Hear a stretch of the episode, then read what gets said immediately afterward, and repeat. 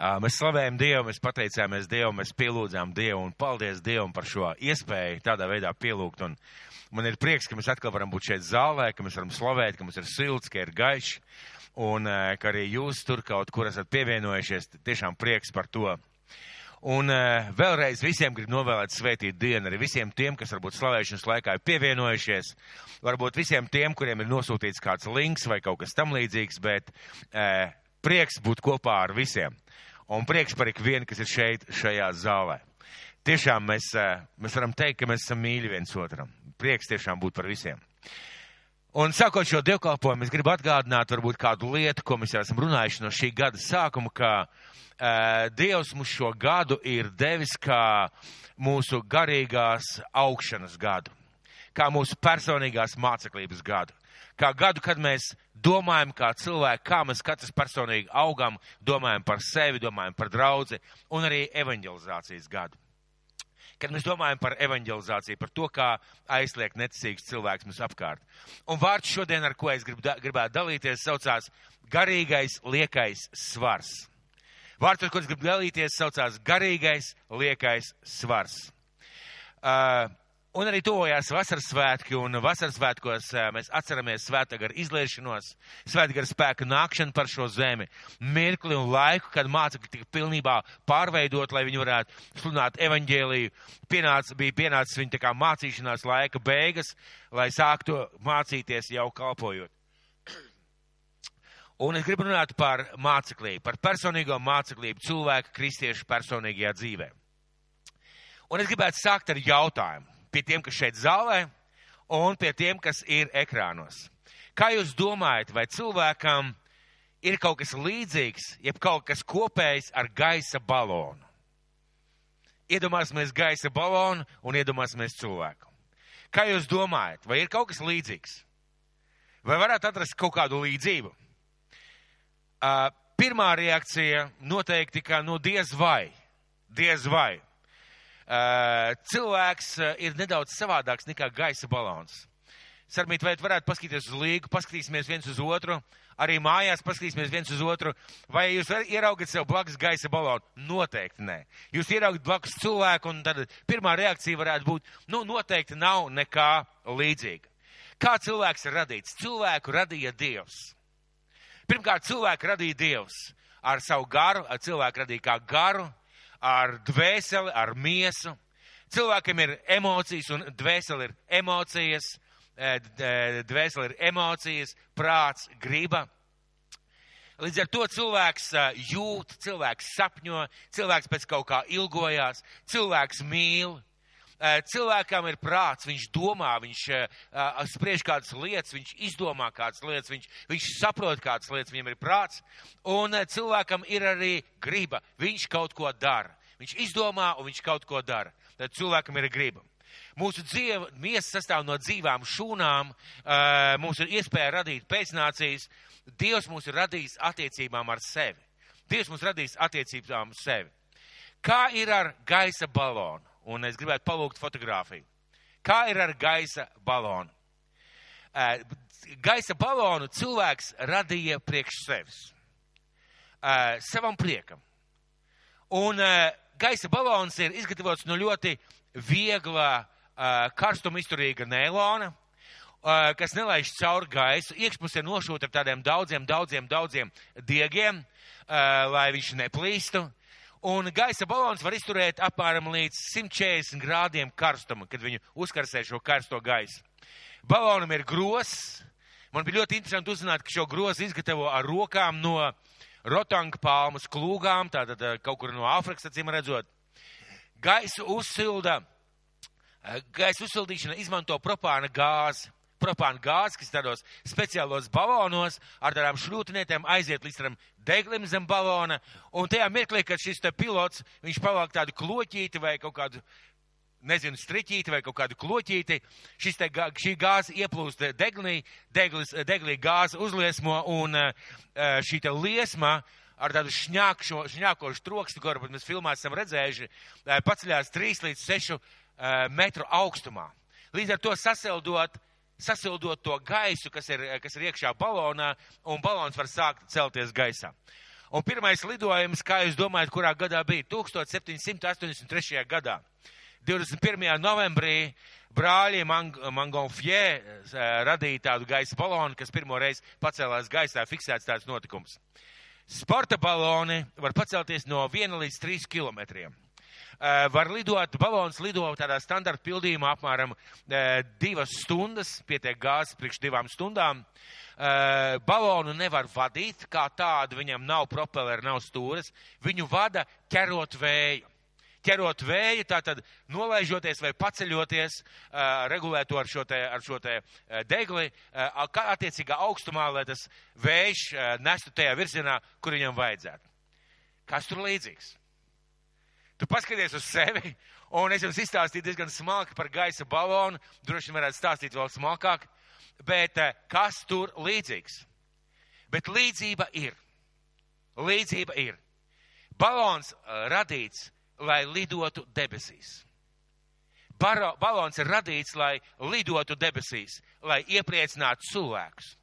Cilvēks ir radīts, lai lidotu garīgajās debesīs, būtu pilns ar svēto garu, lai būtu tuvās mīļās attiecībās ar debes tēvu, lai, lai iepriecinātu Dievu ar savu rīcību, ar savu dzīvi, lai piepildītu savu unikālo misiju, lai būtu par svētā gara tādu iedrošinājumu citiem cilvēkiem.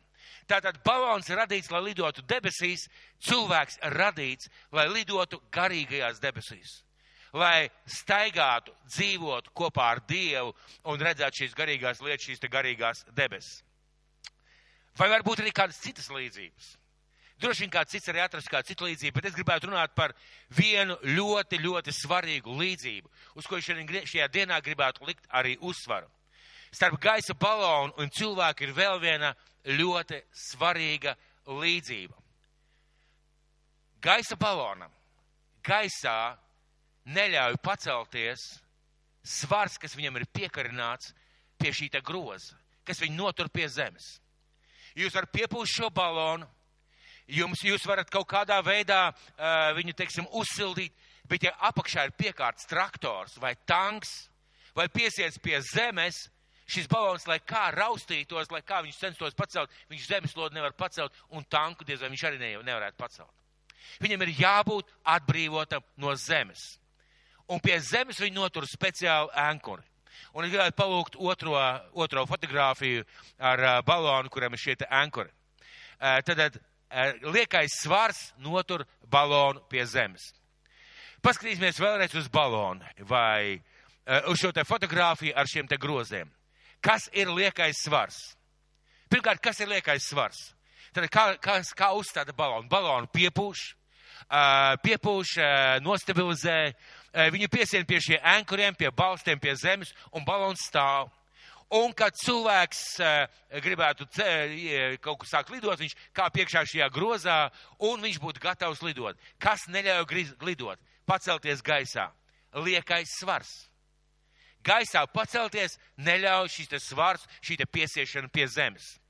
Kas būtu jādara? Kas būtu jādara, lai balons paceltos? Vai kāds man var pateikt zālē? Droši, mēs esam tiešraidē, bet mēs esam arī dzīvajā. Kas būtu, jā, kas būtu jādara? Jāatlaiž tie svari, jāpalaiž vaļā tie ankuri, tas liekais svars, kas šo balonu notur pie zemes. Pilnīgi pareizi. Bet, ziniet, varētu stāvēt eh, šajā balonā un teikt, cik labi būtu debesīs, cik jauki būtu lidot.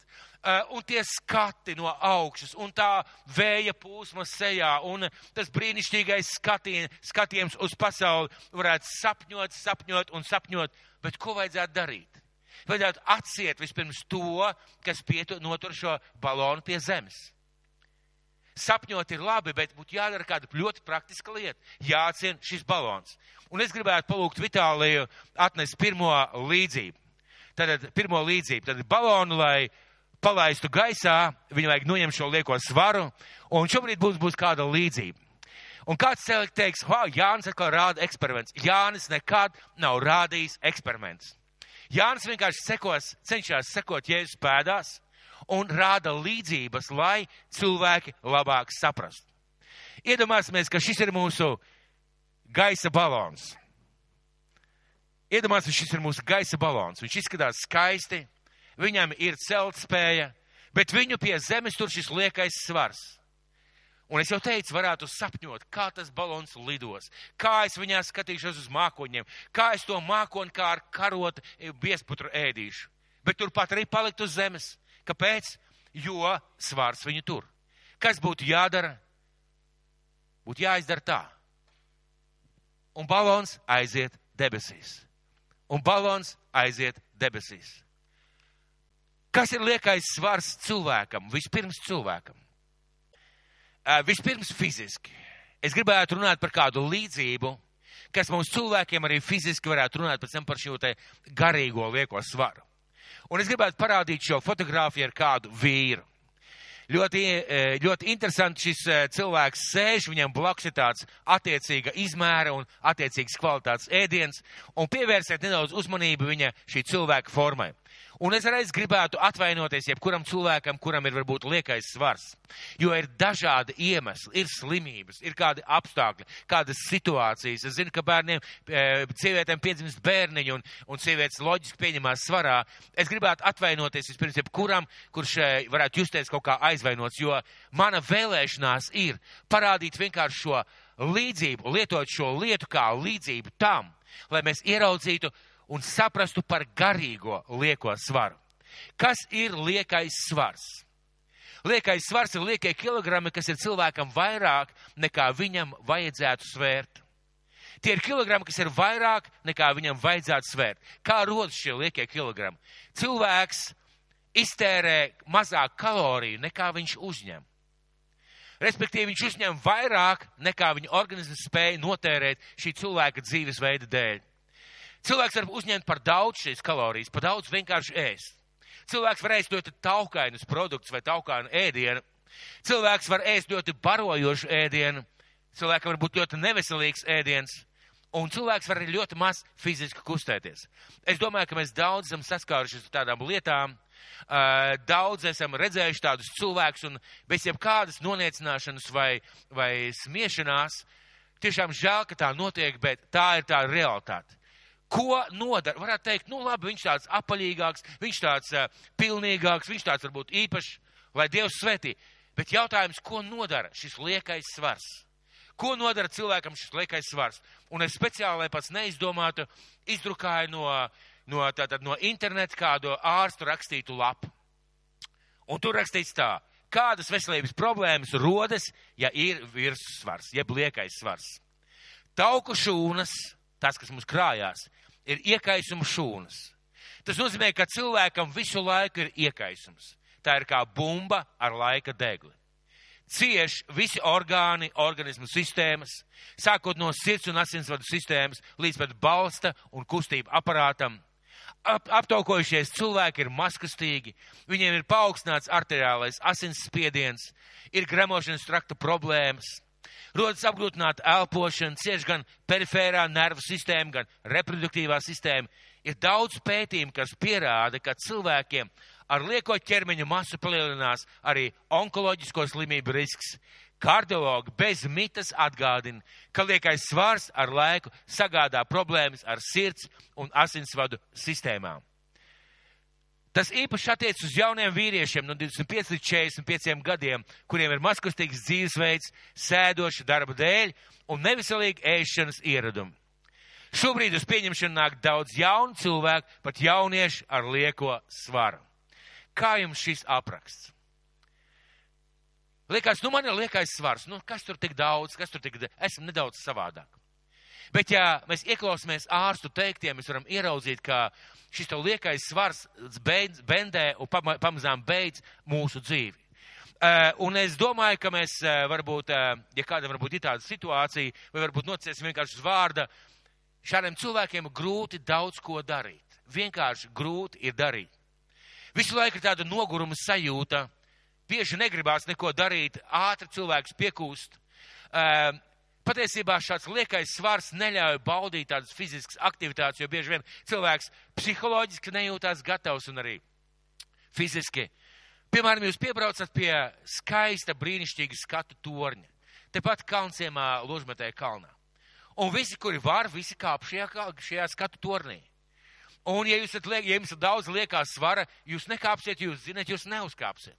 Tad tiek baudīta kāda dzīves kvalitāte, kaut kādas lietas vienkārši cilvēks nevar izdarīt. Ja vajag steigties, ja vajag paskriet, ir problēmas paskriet. Pa kāpnēm tu uzkāp augšā trešajā stāvā un tev ir adus un, un tev ir jāstāv un jāatpūšās. Un izskats jauniem cilvēkiem šī problēma vispār ir arī izskats, jo gribās taču atrast otru pusīti. Un meitenēm nepatīk resni puiši. Un puišiem nepatīk apaļīgas meitenes. Reizēm tā gadās. Nevienmēr, bet reizēm tā gadās. Un ā, ļoti daudziem cilvēkiem viņiem nepatīk pašiem savs izskats. Ko darīt? Jautājums, ko darīt? Un es palūkšu šeit at- atnest Vitāliju nākošo, nākošo piemēru. Jautājums, ko darīt? Un es izlasīšu no šīm te ārstu ieteikumiem. Kādi ir pirmie soļi svara samazināšanai? Ir jāsāk ar liekā svara problēmas apzināšanos. Pirmais solis ir jāsāk ar liekā svara problēmas apzināšanos. Mēs paši nereti slēpjamies aiz maskas, ka daži kilogrami vēl nekas īpašs nav un nemaz netraucē.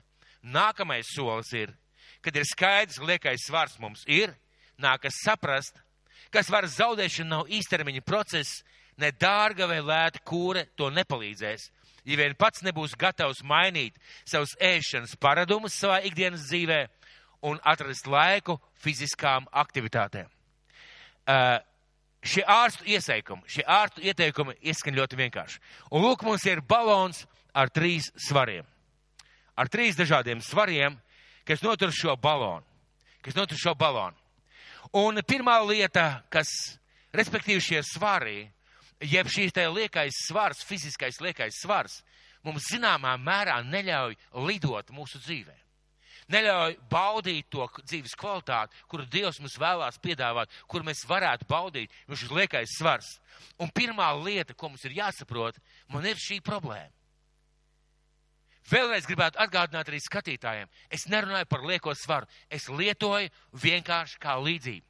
Un pirmā problēma - apzināties, man ir liekais svars, kas neļauj man lidot. Es lūdzu Dievu un sāku domāt, kā es varētu ierobežot to, kā es ēdu. Jo, ja man nav liekais svars tikai tāpēc, ka es tāds esmu, bet es pa, pa, maz, pa maz kustos un pa daudz varbūt ēdu un pa maz tērēju šīs te kalorijas, tad pirmā lieta, ko man vajadzētu saprast, es paņemu savu šķīvīti pusdienās, brokastīs, vakariņās un es krāmēju ar kaudzi, tad es tagad sāku likt mazāk. Un, ziniet, pirmajā laikā šausmīgi gribās ēst. Es runāju ar kādu brāli, kurš eh, pēc pulksten sešiem pārstāja ēst, viņš teica, šausmīgi gribās ēst. Es klausījos kādu sportistu, daudz viņu zina, viņš viņš ir uh, olimpiskais, uh, olimpiskais dalībnieks svarcelšanā, uh, daudz viņu zina, neminēšu viņu vārdu. Uh, viņš ir pavisam izmainījies pēc tam, kad viņš aizgāja privātajā dzīvē, atstāja sportu, viņš teica, pēc sešiem šausmīgi gribās ēst. Tev vienkārši gribās ēst. Un, zini, tu vari staigāt apkārt tam šķīvim un ņaudēt, man gribās ēst, ai kā man, nu, drusku šoreiz, nu, vēl šodien, vai saprotot, ka tas tev neļauj lidot, paņemt šķēres un ar asarām acīs nogriezt to lieko porcijas daudzumu. Un mūsu balons jau pacēlās bišķi augstāk. Mūsu balons pacēlās bišķi augstāk.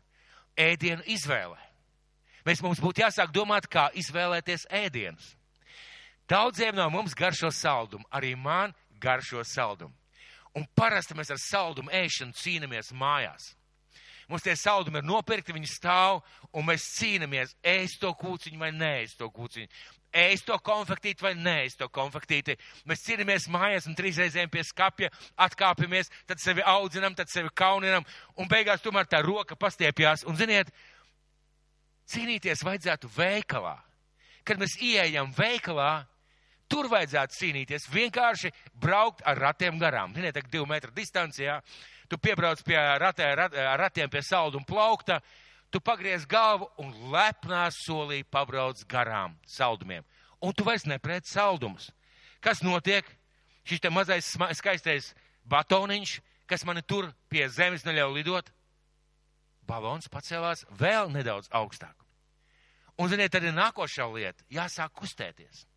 Un kustēties šausmīgi negribās, tik viegli sēdēt pie televizora vai pie interneta. Tik viegli ir atrast attaisnojumu un iemeslu, lai nekustētos. Tik viegli un tik, tik elementāri. Bet, ziniet, varētu jau domāt, nu kādreiz es sākšu, kādreiz es darīšu, kādreiz es kaut ko darīšu.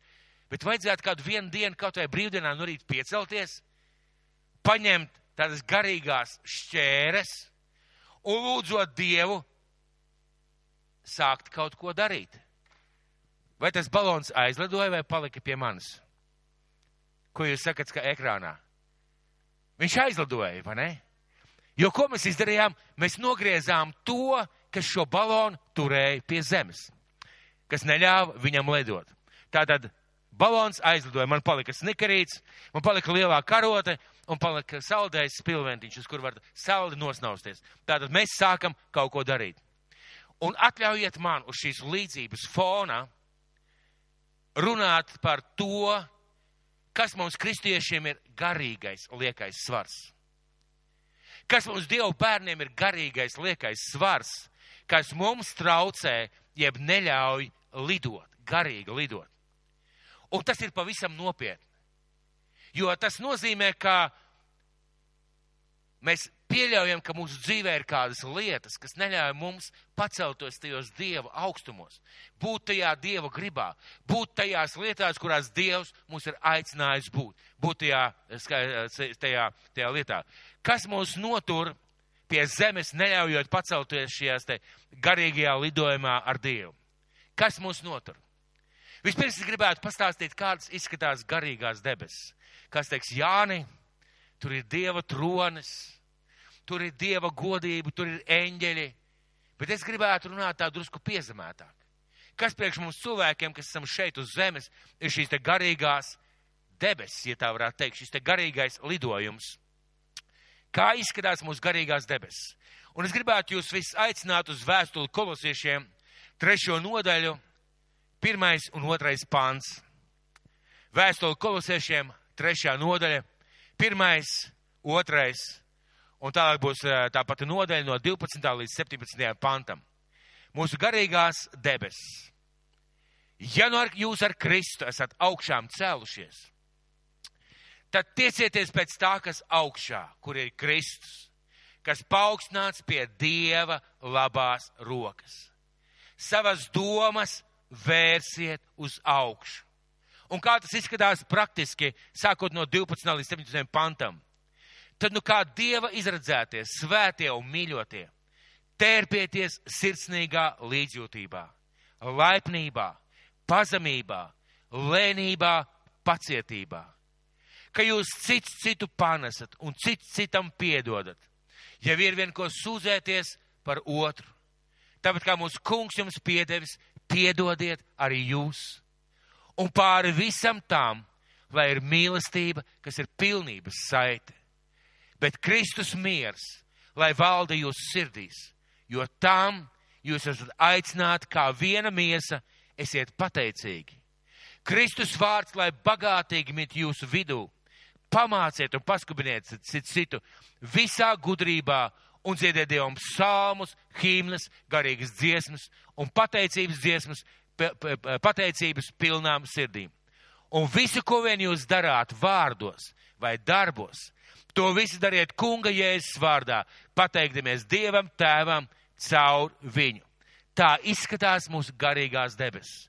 Kā man gribētos būt tādam cilvēkam. Jums arī gribētos pareizi. Es domāju, ka visiem gribētos. Es domāju, tiem, kas skatās šobrīd ekrānā, arī gribētos. Un te tiek uh, dievvvārds uzbūr tādu idealisku ainu par tādu idealisku kristieti. Bet ja Jēzus kaut ko aicina, vai tas nozīmē, ka to var sasniegt? Tātad to var sasniegt. Bet acīm redzot, ir kaut kas tāds, kas mums neļauj šajās debesīs pacelties, neļauj šajās augstotnēs lidot. Tātad, kas ir mūsu garīgi liekais svars? Jautājums, kas ir mūsu garīgais liekais svars? Un es kā palūkšu Vitālijā atnoņa paņemt šos projām un atnes pēdējo mūsu līdzību, pēdējo mūsu līdzību. Tātad, kas ir mūsu garīgais liekais svars? Un es nolēmu turēties par tām trīs pamatu lietām tri, pie trīs pamatlietām. Un par grēku es nemaz nerunāšu, to es vispār izslēdzu. grēkus vispār izslēdzu, bet es gribētu turēties pie trīs pamatlietām.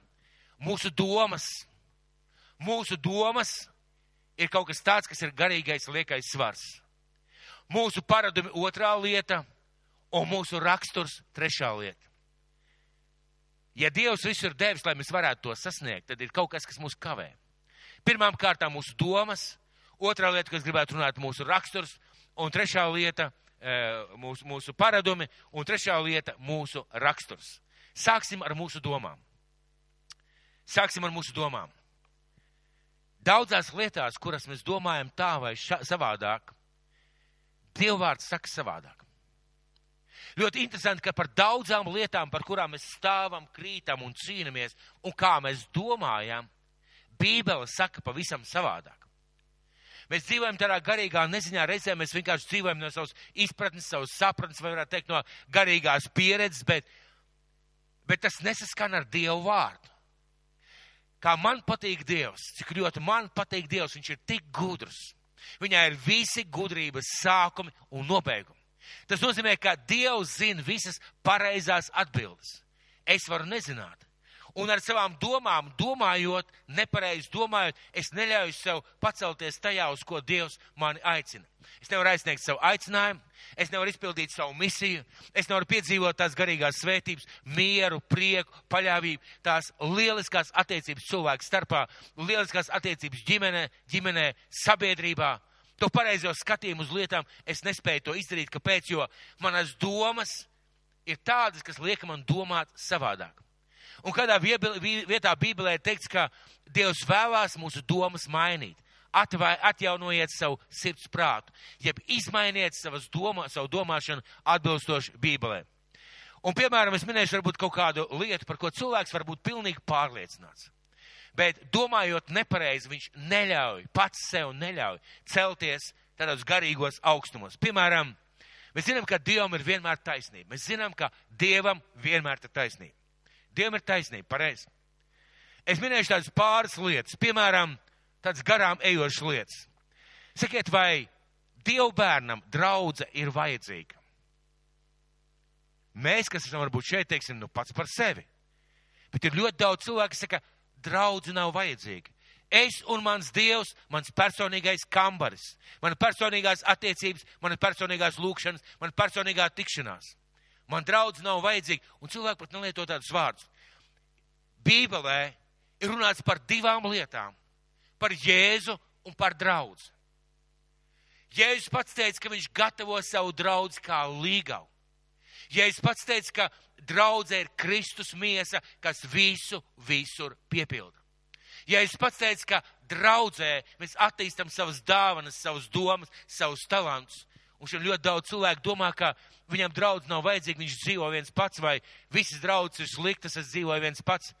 Un viņa domas neļauj viņam realizēt to Dievu plānu, to Dieva klātbūtnes ideju, to svētību, ko Dievs viņam ir paredzējis viņa dzīvē. Piemēram, šī laika kārdinājums. Es domāju, ka daudz, daudziem cilvēkiem ir radušās interesants pārdoms par šo laiku. Nevarēja nākt, nevarēja piedalīties. Un e, mēs jau ejam pamazām uz to, ka varēs piedalīties dievkalpojumos. Interesanti, ka es esmu dzirdējis jau šur tu tādas domas, ka, hei, bet baigi forši. Svētdienā var palikt mājās. Es paņemu kafijas krūzi no rīta. 11. piesēžos pie ekrāna, noskatos dievkalpojumu, halleluja, viss notiek. Šitas dievkalpojums bija pa īsi, vai man īsti nepatika, ieslēdzu nākošo, halleluja, viss notiek, un vakarā es jūtos tik garīgi paēdis. Kāpēc man iet uz draudzi? Un daudz cilvēku tā domā, un iespējams arī domās. Jo šis laiks mūs pieredināja nebūt draudzē.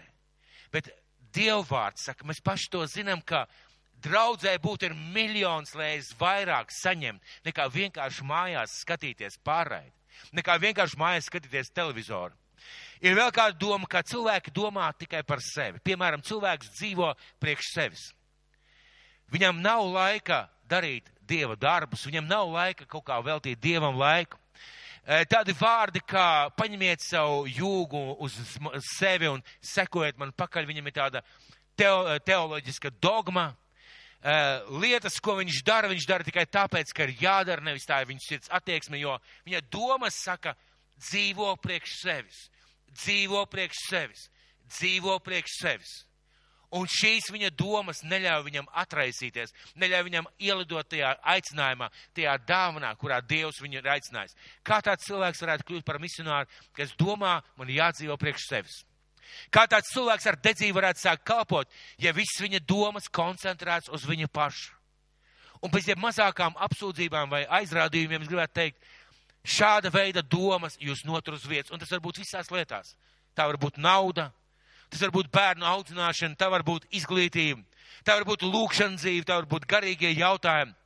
Cilvēks dzīvo ar savām domām, un šīs domas, kas nesaskana ar Bībeli, jeb ar Bībeles domām par lietām, viņas neļauj cilvēkam realizēt to potenciālu, ko Dievs cilvēku ir ielicis. Ko saka Bībele par, par domām? Vēstuli kolosiešiem, vēstuli kolosiešiem trešā nodaļa 13. līdz 16. pants. Vēstule kolosiešiem 3. nodaļa, 13. līdz 16. pants. Es atvainojos.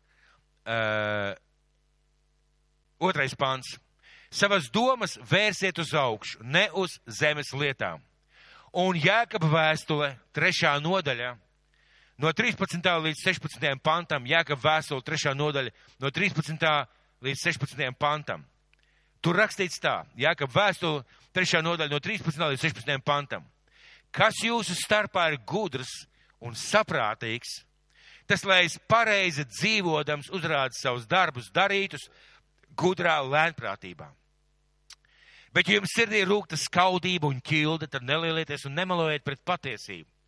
Tāda gudrība nenāk no augšienes, bet tā ir pasaulīga, tā nav dievišķa, bet demoniska.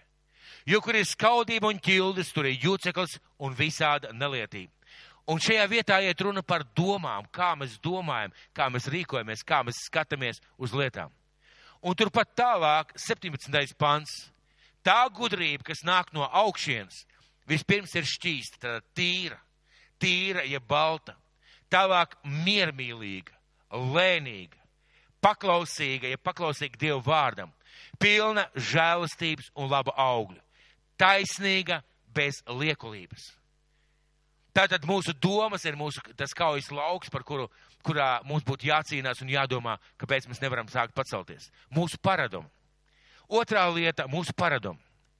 Uh, tas ir, piemēram, runas veids, kā mēs runājam ar cilvēkiem. Kā mēs izturamies pret cilvēkiem. Izturēšanās veids. Un reizēm cilvēki tie paradumi, kā mēs dzīvojam, kā mēs izturamies, kā mēs skatāmies uz lietām, mēs reizēm attaisnojam sev, mēs vienmēr tā darām, es vienmēr tā daru. Piemēram, man tāds diezgan slikts paradums, es reizēm, kad runāju ar cilvēkiem, es pats cenšos kaut ko paralēli darīt. Un es nevienreiz vien piedzīvojis tādu sajūtu, ka cilvēks, cilvēkam liekas, ka man nav svarīgi, ko viņš saka. Patiesībā nav. Es vienkārši paradums, es vienkārši daru kaut ko paralēli runājot ar cilvēku, un tas nav pareizs paradums.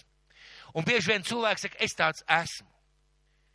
Cilvēks var pārdzīvot par saviem paradumiem, kas neļauj viņam kaut kādā veidā, kaut kādā veidā mainīt savu dzīvi. Piemēram, gulēt ilgi. Piemēram, neuzņemties atbildību. Piemēram, vienmēr būt maliņā, vienmēr justies nospiestam un vainīgam. Cilvēks var būt nobažījies par sevi, nobēdājies, var pārdzīvot. Ko saka Bībele par to, kā mums vajadzētu domāt par paradumiem? Ko saka Bībele? Un vēstuli Efeziešiem 4. nodaļa, no 20. līdz 30. pantam, vēstuli Efeziešiem, 4. nodaļa, no 20. līdz 30. pantam. Bet sludinot Kristu, jums tādas lietas nav mācītas. Pretī jums par viņu stāstīts un mācīts tā, ka tas ir patiesi Jēzus garā.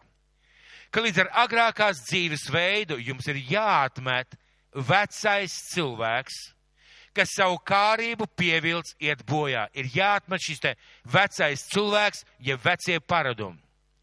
Un jāatjaunojas savā sirdsprātā, jāatjaunojas savā domāšanā un savā, savā garā un savos paradumos.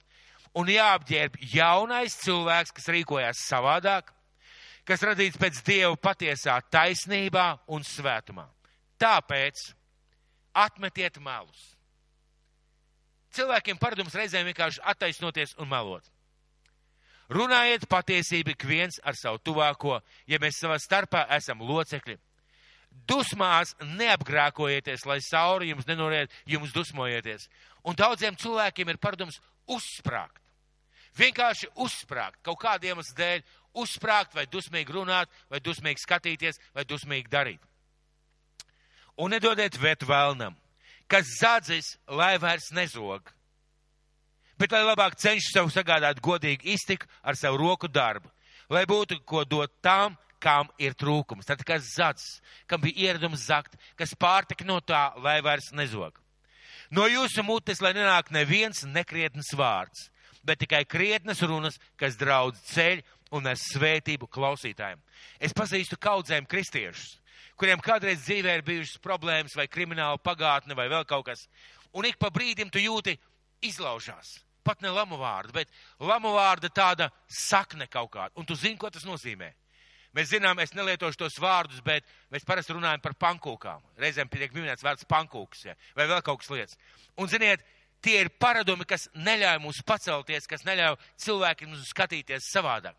Tie ir paradumi, kad cilvēks domā, es tāds esmu un es tāds palikšu. Un es tāds arī nomiršu, ja tā varētu teikt.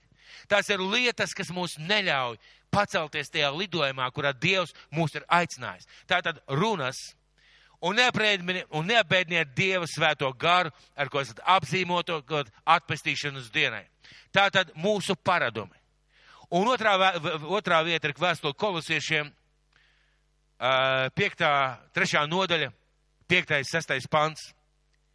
Tāpēc nonāvējiet sevī to, pievērsiet uzmanību. Svētais gars nesaka, es nonāvēšu es iznīcināšu, es tevi izmainīšu. Jā, svētais gars mūs iznaicina, izai, izmainīs caur to, ka mēs kaut ko darīsim. Un rakstīts, tāpēc nonāvējiet sevī to, kas piedara zemē. Netiklību, cilvēki pieraduši tā dzīvot, nešķīstību, kaisli, ļauno iekāri un mankārību. Tā ir elku kalpība. Viņu dēļ nāk dievu dusmība pār nepaklausības dēliem. Tie ir paradumi. Tie ir paradumi, kā cilvēks domā, kā cilvēks rīkojas, kā cilvēks dara. Tie ir paradumi vārdi, dzīvesveids, kā cilvēks skatās uz lietām. Tie ir paradumi. Un ko ar to darīt? Ko ar to darīt? Ja ir paradumi, kas nav nevis dievam patīkami, kas tev neļauj lidot, ja pacelties spārnos, ja pacelties gaisā, ko ar to darīt? Un trešā lieta - mūsu raksturs. Mīļie brāļi un māsas, mēs tik ļoti attaisnojam savu raksturu. Tik ļoti attaisnojam savu raksturu, ka mēs reizēm domājam tā, ka, nu, man tāds raksturs. Ziniet, ja lācis var iemācīt staigāt, ja papagaili var iemācīt runāt, ja ziloni var iemācīt dejot, vai mūsu cilvēkus nevarētu mainīt mūsu raksturu? Un bieži vien tieši mūsu raksturs ir tas, kas neļauj mums lidot. Jums ir gadījies kādreiz, ka jūs ejat pie kāda kristieša vai pie kāda cilvēka, sakat, mīļais brāl, māsa, vajadzētu vai varbūt to izdarīt, vai varbūt tā, vai tā, vai tā. Un tu saņem diezgan strupu, asu vai nevēlam atbildu, tu apraujies un domā, pagar, ko es runāju. Darba vietās bieži vien cilvēki, kas strādā ar mums kopā, sastopās ar to, ka mūsu raksturs nav tāds, kādam kristiešiem vajadzētu būt, mūsu raksturs. Mēs ātri aizsvilstamies. Ātri aizsvilstamies. Mēs ļoti ātri aizvainojamies. Bībelē saka, mums būtu jā, jābūt nomirušiem. Mēs ļoti ātri aizvainojamies par to, ja kāds nepiekrīt vai rīkojas savādāk. Mēs esam ārkārtīgi iecertīgi. Tikai tā, kā es domāju. Mēs reizēm esam skarbi. Mēs esam pārāk ātri savā rīcībā, pārāk ātri savos lēmumos. Reizēm pārāk lēni savos lēmumos. Reizēm mēs nepiedodam cilvēkiem, mēs uh, bieži vien zūdamies, mēs bieži vien zūdamies, tas ir mūsu raksturs. Mēs esam pārāk kritiski, bieži vien esam pārāk kritiski un uh, pavirši, un uh, reizēm esam ļoti pesimistiski, un varam minēt vēl, vēl, un vēl, un vēl. Kāpēc es to minu? Jo redziet, pirmā lieta, ko arī šie ārsti teica, vispirms vajag konstatēt problēmu. Konstatēt problēmu. Ja mēs konstatējam šādas problēmas, ko mums darīt un ko Bībele saka par raksturu? Ko Bībele saka par raksturu? Atkal iesim uz vēstuli Efeziešiem. Ceturto nodaļu, 31. pants. Vēstuli Efeziešiem, 4. nodaļa, 31. pants. Katrs rūgtums, ātras sirdība, dusmas, bāršanās un zaimi. Vispār katra ļaunprātība, lai ir tālu no jums. Katrs rūgtums, ātrsirdība, dusmas, bāršanās, zaimi, vispār katra ļaunprātība, lai ir tālu no jums. Un vēstulē kolosiešiem, vēstulē kolosiešiem lasīsim atkal 8. 9. pantā, pat 3. nodaļa, 8. 9. pants. Bet tagad visu to atmetiet, dusmas. Kāds izskatās dusmīgs cilvēks? Viņš ir dusmīgs. Viņš regulāri ir dusmīgs. Viņš var bungāt pie krūts un teikt, es tāds esmu, bet tu esi dusmīgs. Atsirdība. Atsirdīgs cilvēks, kas ļoti ātri, ātri reaģē, ātri uzpūšās, ātri aizvainojās. Ļaunprātība. Tev, tu atgādini ļaunu, tu runā ļaunu, tu varbūt aprunā cilvēks, tu tiesā, tu kritizē kaut kādā veidā. Zaimus, mēs runājam, runājam par cilvēkiem. Un es gribētu vērsties pie mums visiem. Mīļie draugi, vai jūs esat dzirdējuši, kā mēs, Dievu bērni, reizēm kritizējam valdību? Jums ir gadījies dzirdēt? Ka runā slikti par valdību, kritizē valdības cilvēks, ir gadījies pareizi. Arī paši esam kādreiz darījuši. Jums, jums cilvēki, kas skaties šobrīd pēkra, ir gadījies dzirdēt, ir gadījies redzēt. Man jums ir jautājums. Es samaksāšu cilvēkam 5 eiro, kurš man parādīs Bībelē skaidrā tekstā, kritizējiet valdību, aprunājiet valdības cilvēkus, nonieciniet viņus. Vai mēs kaut ko tādu varam atrast? Bet tas mums ir asinīs iegājies, pareizi. Un ļoti daudziem cilvēkiem. No kurienes tas ir? No pasaules. Es biju nesen vienā pasākumā un uh, mēs gā, kaut kā bija aizgāja saruna par, par valdību un uh, kāds cilvēks teica, neticiet valdībai, neticiet valdībai, viņi tur viss tādu un tādu. Es sēdēju un es domāju, tas bija attālināti, slēgt man ārā tagad kameru, žēlot grēkus, ka es to klausos vai ko man darīt. Un tas ir mūsu raksturs, kas liek mums tādā veidā rīkoties. Vēstuli kolosiešiem turpinam lasīt. Ļaunprātības zaimas, nekaunīgas runas, kas ir jūsu mutē. Nemelojiet cit citam, novelciet veco cilvēku un viņa darbus. Un atkal, un apģērbiet jauno cilvēku, kas atjaunojas atziņā par sava radītāja attēlu.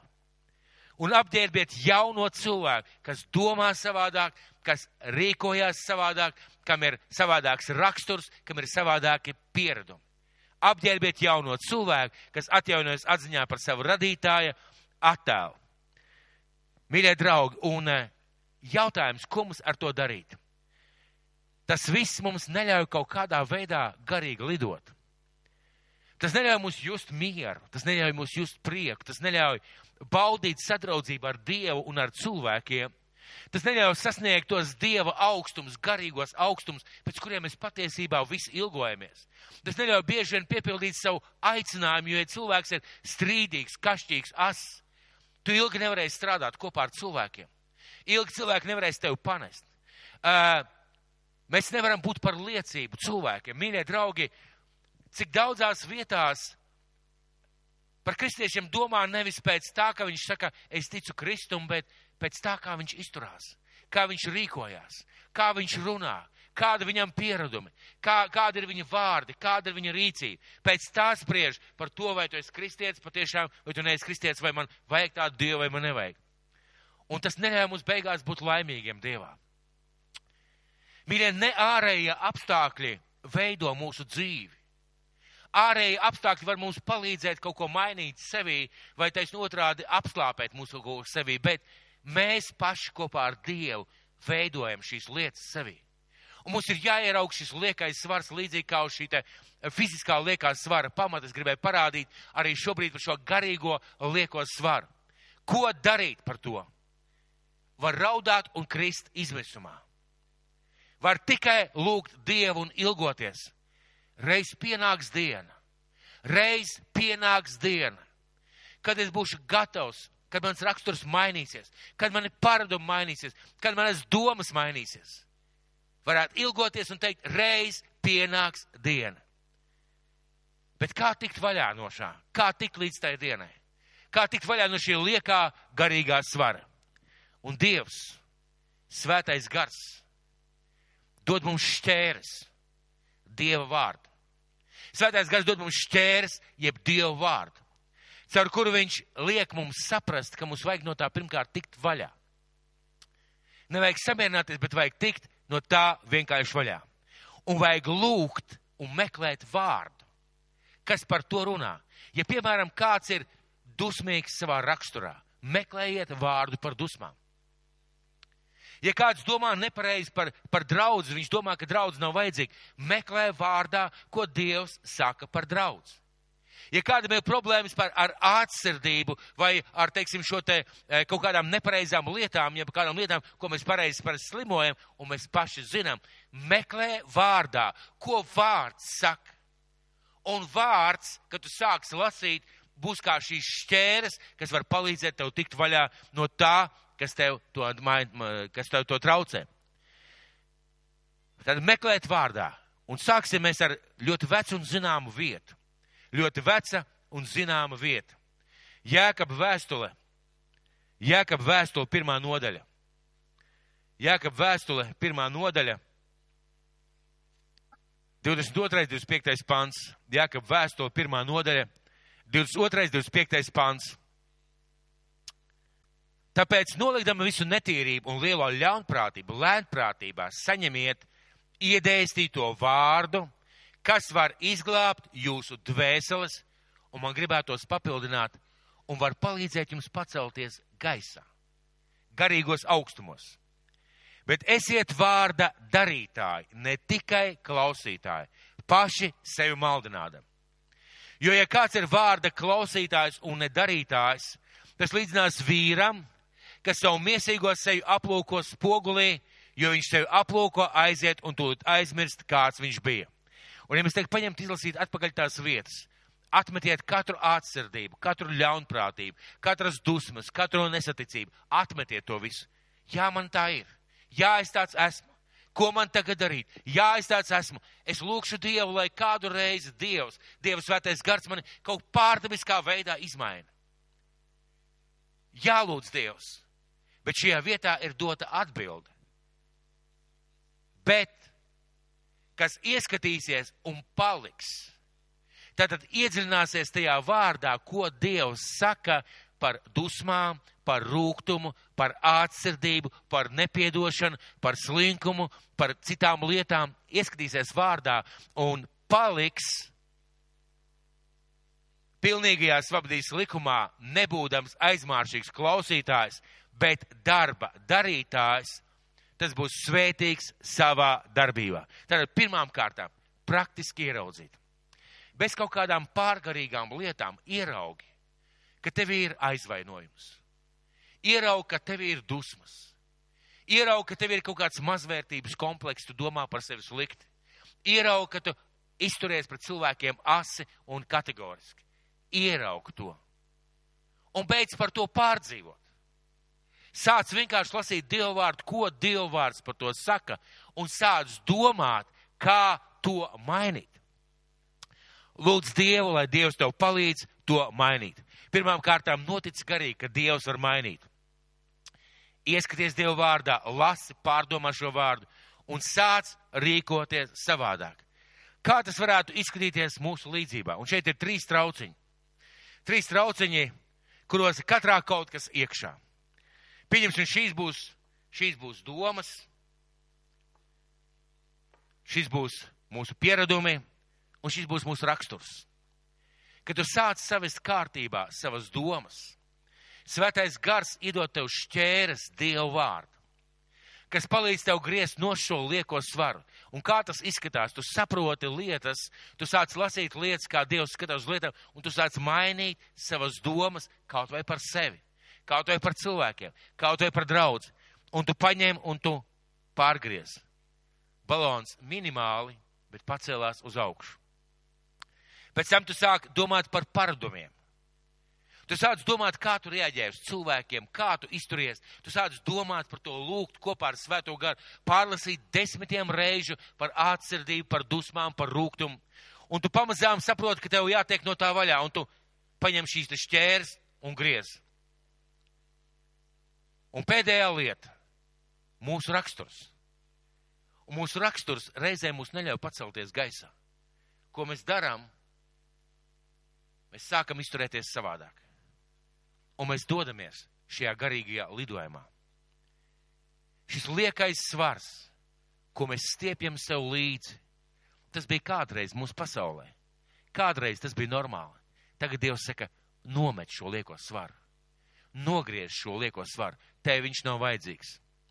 Un esiet sveicināti garīgajā lidojumā. Mums šobrīd pie griestiem ir trīs baloni. Es domāju, ka es zinu, kā mēs viņus dabūsim lejā bet esiet sveicināti šajā garīgajā lidojumā. Un vēlreiz gribētu aicināt paskatīties garīgajās debesīs, uz kurām esam aicināti lidot. Es nezinu, vai jums ir gadījies lidot. Lidmašīnā vai balonā. Ir cilvēki, kas lidojuši balonā, noteikti fantastiski sajūta vai varbūt ar deltu plānu. Man gadījies braukt tikai, ja lidot tikai lidmašīnā. Lidmašīna nebrauc, viņa lido. Bet tā ir patiesa brīvības sajūta, kad tu skaties zem spārniem, ka tu redzi to, to brīvību, ka tu redzi tos mākoņus, tu redzi to zemi, tu redzi, ka tu kusties, ka tu ej uz priekšu. Un, mīļie draugi, mēs esam aicināti šajā garīgajā lidojumā, un es gribētu jūs vest vēlreiz šajās garīgajās debesīs. Un pat, ja mēs šobrīd esam uz zemes, pat, ja man pie vienas kājas ir šīs tas svars, pie otras kājas šis tas svars un pie jostas vietas šis tas svars, es gribētu jūs vēlreiz vest šajās garīgajās debesīs, lai mēs zinātu, uz kurien mēs esam aicināti un dosimies uz vēstuli kolosiešiem. Trešo nodaļu. Pirmais, vēstuli kolosiešiem, trešā nodaļa, pirmais un otrais pants. Ja nu jūs ar Kristu esat augšām cēlušies, tad tiecieties pēc tā, kas augšā, kur ir Kristus, kas paaugstināts pie Dieva labās rokas. Savas domas vērsiet uz augšu Un vēstule, Jā, Jākaba vēstule, trešā nodaļa, vēstule, Jā, vēstule Jākabam, trešā nodaļa, trešajā, 13. 16. pants, Jākaba vēstule, trešā nodaļa, 13. 16. pants. Kas jūs starpā ir gudrs un saprātīgs? Tas, lai pareizi dzīvodams, varētu savus darbus darīt, darīt gudrā, lēnprātībā.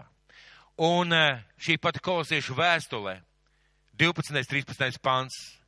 Tad nu kā Dieva izradzētie, svētie un mīļotie, terpieties sirsnīgā līdzjūtībā, laipnībā, pazemībā, lēnībā, pacietībā. Ka jūs cits citu panesat un cits citam piedodat, ja vien ir ko sūdzēties par otru, tāpat arī kā mēs, kā mums kungs Jēzus piedevs. Piedodiet arī jūs un pāri visam tam, lai ir mīlestība, kas ir pilnības saita. Bet Kristus miers, lai valdi jūsu sirdīs, jo tam jūs esat aicināti kā viena miesa. Esiet pateicīgi. Kristus vārds, lai bagātīgi mīt jūsu vidū. Pamāciet un paskubiniet citu visā gudrībā, dziediet Dievam psalmus, himnas un garīgas dziesmas, pateicības pilnām sirdīm Un visu, ko vien jūs darāt, vārdos vai darbos, to visu dariet kunga Jēzus vārdā, pateikdamies Dievam, Tēvam, caur viņu. Un tās tās mūsu garīgās debesis, ko mēs katrs esam aicināti. Un man ir milzīgs prieks un pateicība Dievam, ka mēs varam uz tām lidot, ka mēs varam iet tajās debesīs, ka mēs varam Eh, pacelties gaisā no šīm lietām, kas mūs piesien pie zemes, un doties tajā virzienā, kur debes tēvs mūs vēlās aizpūst un vēlās aizvest. Un es gribētu jūs aicināt uz lūgšanu. Un ja tev ir problēma ar garīgo lieko svaru, ar tavām domām, saskaņo viņas ar Dievu vārdu. Tās domas, par kurām stāv un cīnies, ko tev kāds ir teicis, ka tas nav īsti pareizi, lasa Dievu vārdu un pārdomā par to, ko tu domā. Ja tev ir problēmas ar taviem paradumiem, kā tu rīkojies, kā tu izturies, kā tu skaties uz lietām, tu esi jauns cilvēks. Pārdomā, kāda ir tava paraduma, kā tu izturies un kā tu dari, kas neļauj tev pacelties augšā. Un ja tavs raksturs nav tāds, kādam vajadzētu būt, neļaujies ne panikai, ne izmisumam, tu neesi tam aicināts. Tu esi aicināts piedzīvot izmainītu raksturu. Tu esi aicināts piedzīvot šīs garīgās debesis. Dievs tevi tur gaida, un tur gaida viss tavs dāvans un viss tavs svētības. Tad ko darīt? Lūksim Dievu, skatīsimies Dievu vārdā, meklēsim katrs priekš sevis personīgi un kopā ar Dievu griezīsim nost vai nevajadzīgās lietas un pieaugsim tajās lietās, uz kurām Dievs mūs ir aicinājis. Un es gribētu aicināt jūs uz lūkšanu šeit zālē un arī pie ekrāniem. Vai tu esi gatavs lūgt par to, lai Dievs izmaina tavas domas, lai Dievs izmaina tavu, tavus ieradumus, tavus paradumus, lai Dievs izmaina tavu raksturu? Vai tu esi gatavs lūgt par to? Bet zini ko, draugs? Svētais gars tev iedos Dievu vārdu, šķēres. Un tici man, viņš tavā vietā nedarīs to, kas tev ir jādara. Un tieši tev ir jāpaņem šīs šķēres, jāpārgriež tā aukliņa, jāpalaiž varā tas, tas svars, lai tu varētu lidot augstāk. Tikai tu pats. Bet sāksim ar lūkšanu. Un lūksim arī šeit zālē. Mūsu debes tēvs, mēs nākam, kungs, tavā priekšā.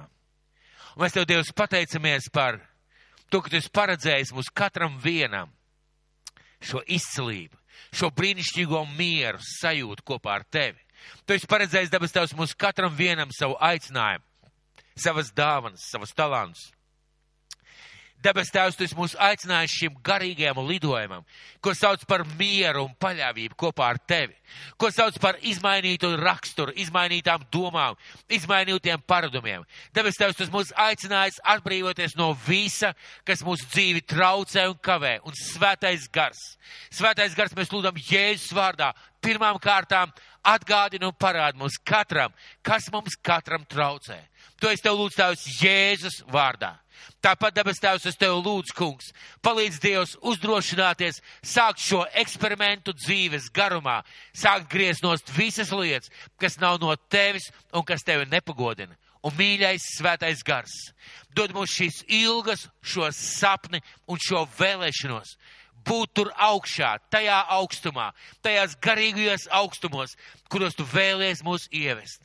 Debes Tēvs palīdz mums garīgi sajust šo vēju, sajust šo brīvību, sajust šo prieku, kas valda tur augšā, lai mēs negribētu palikt šajā lejā, lai mēs nevēlētos palikt vecie, lai mēs negribētu būt tie, kas mēs kādreiz bijām, bet lai mēs tiešām būtu jauni, atjaunot, tevī svētīti cilvēki. Jēzus vārdā, Āmen! Lai debes tēvs jūs svētī visus!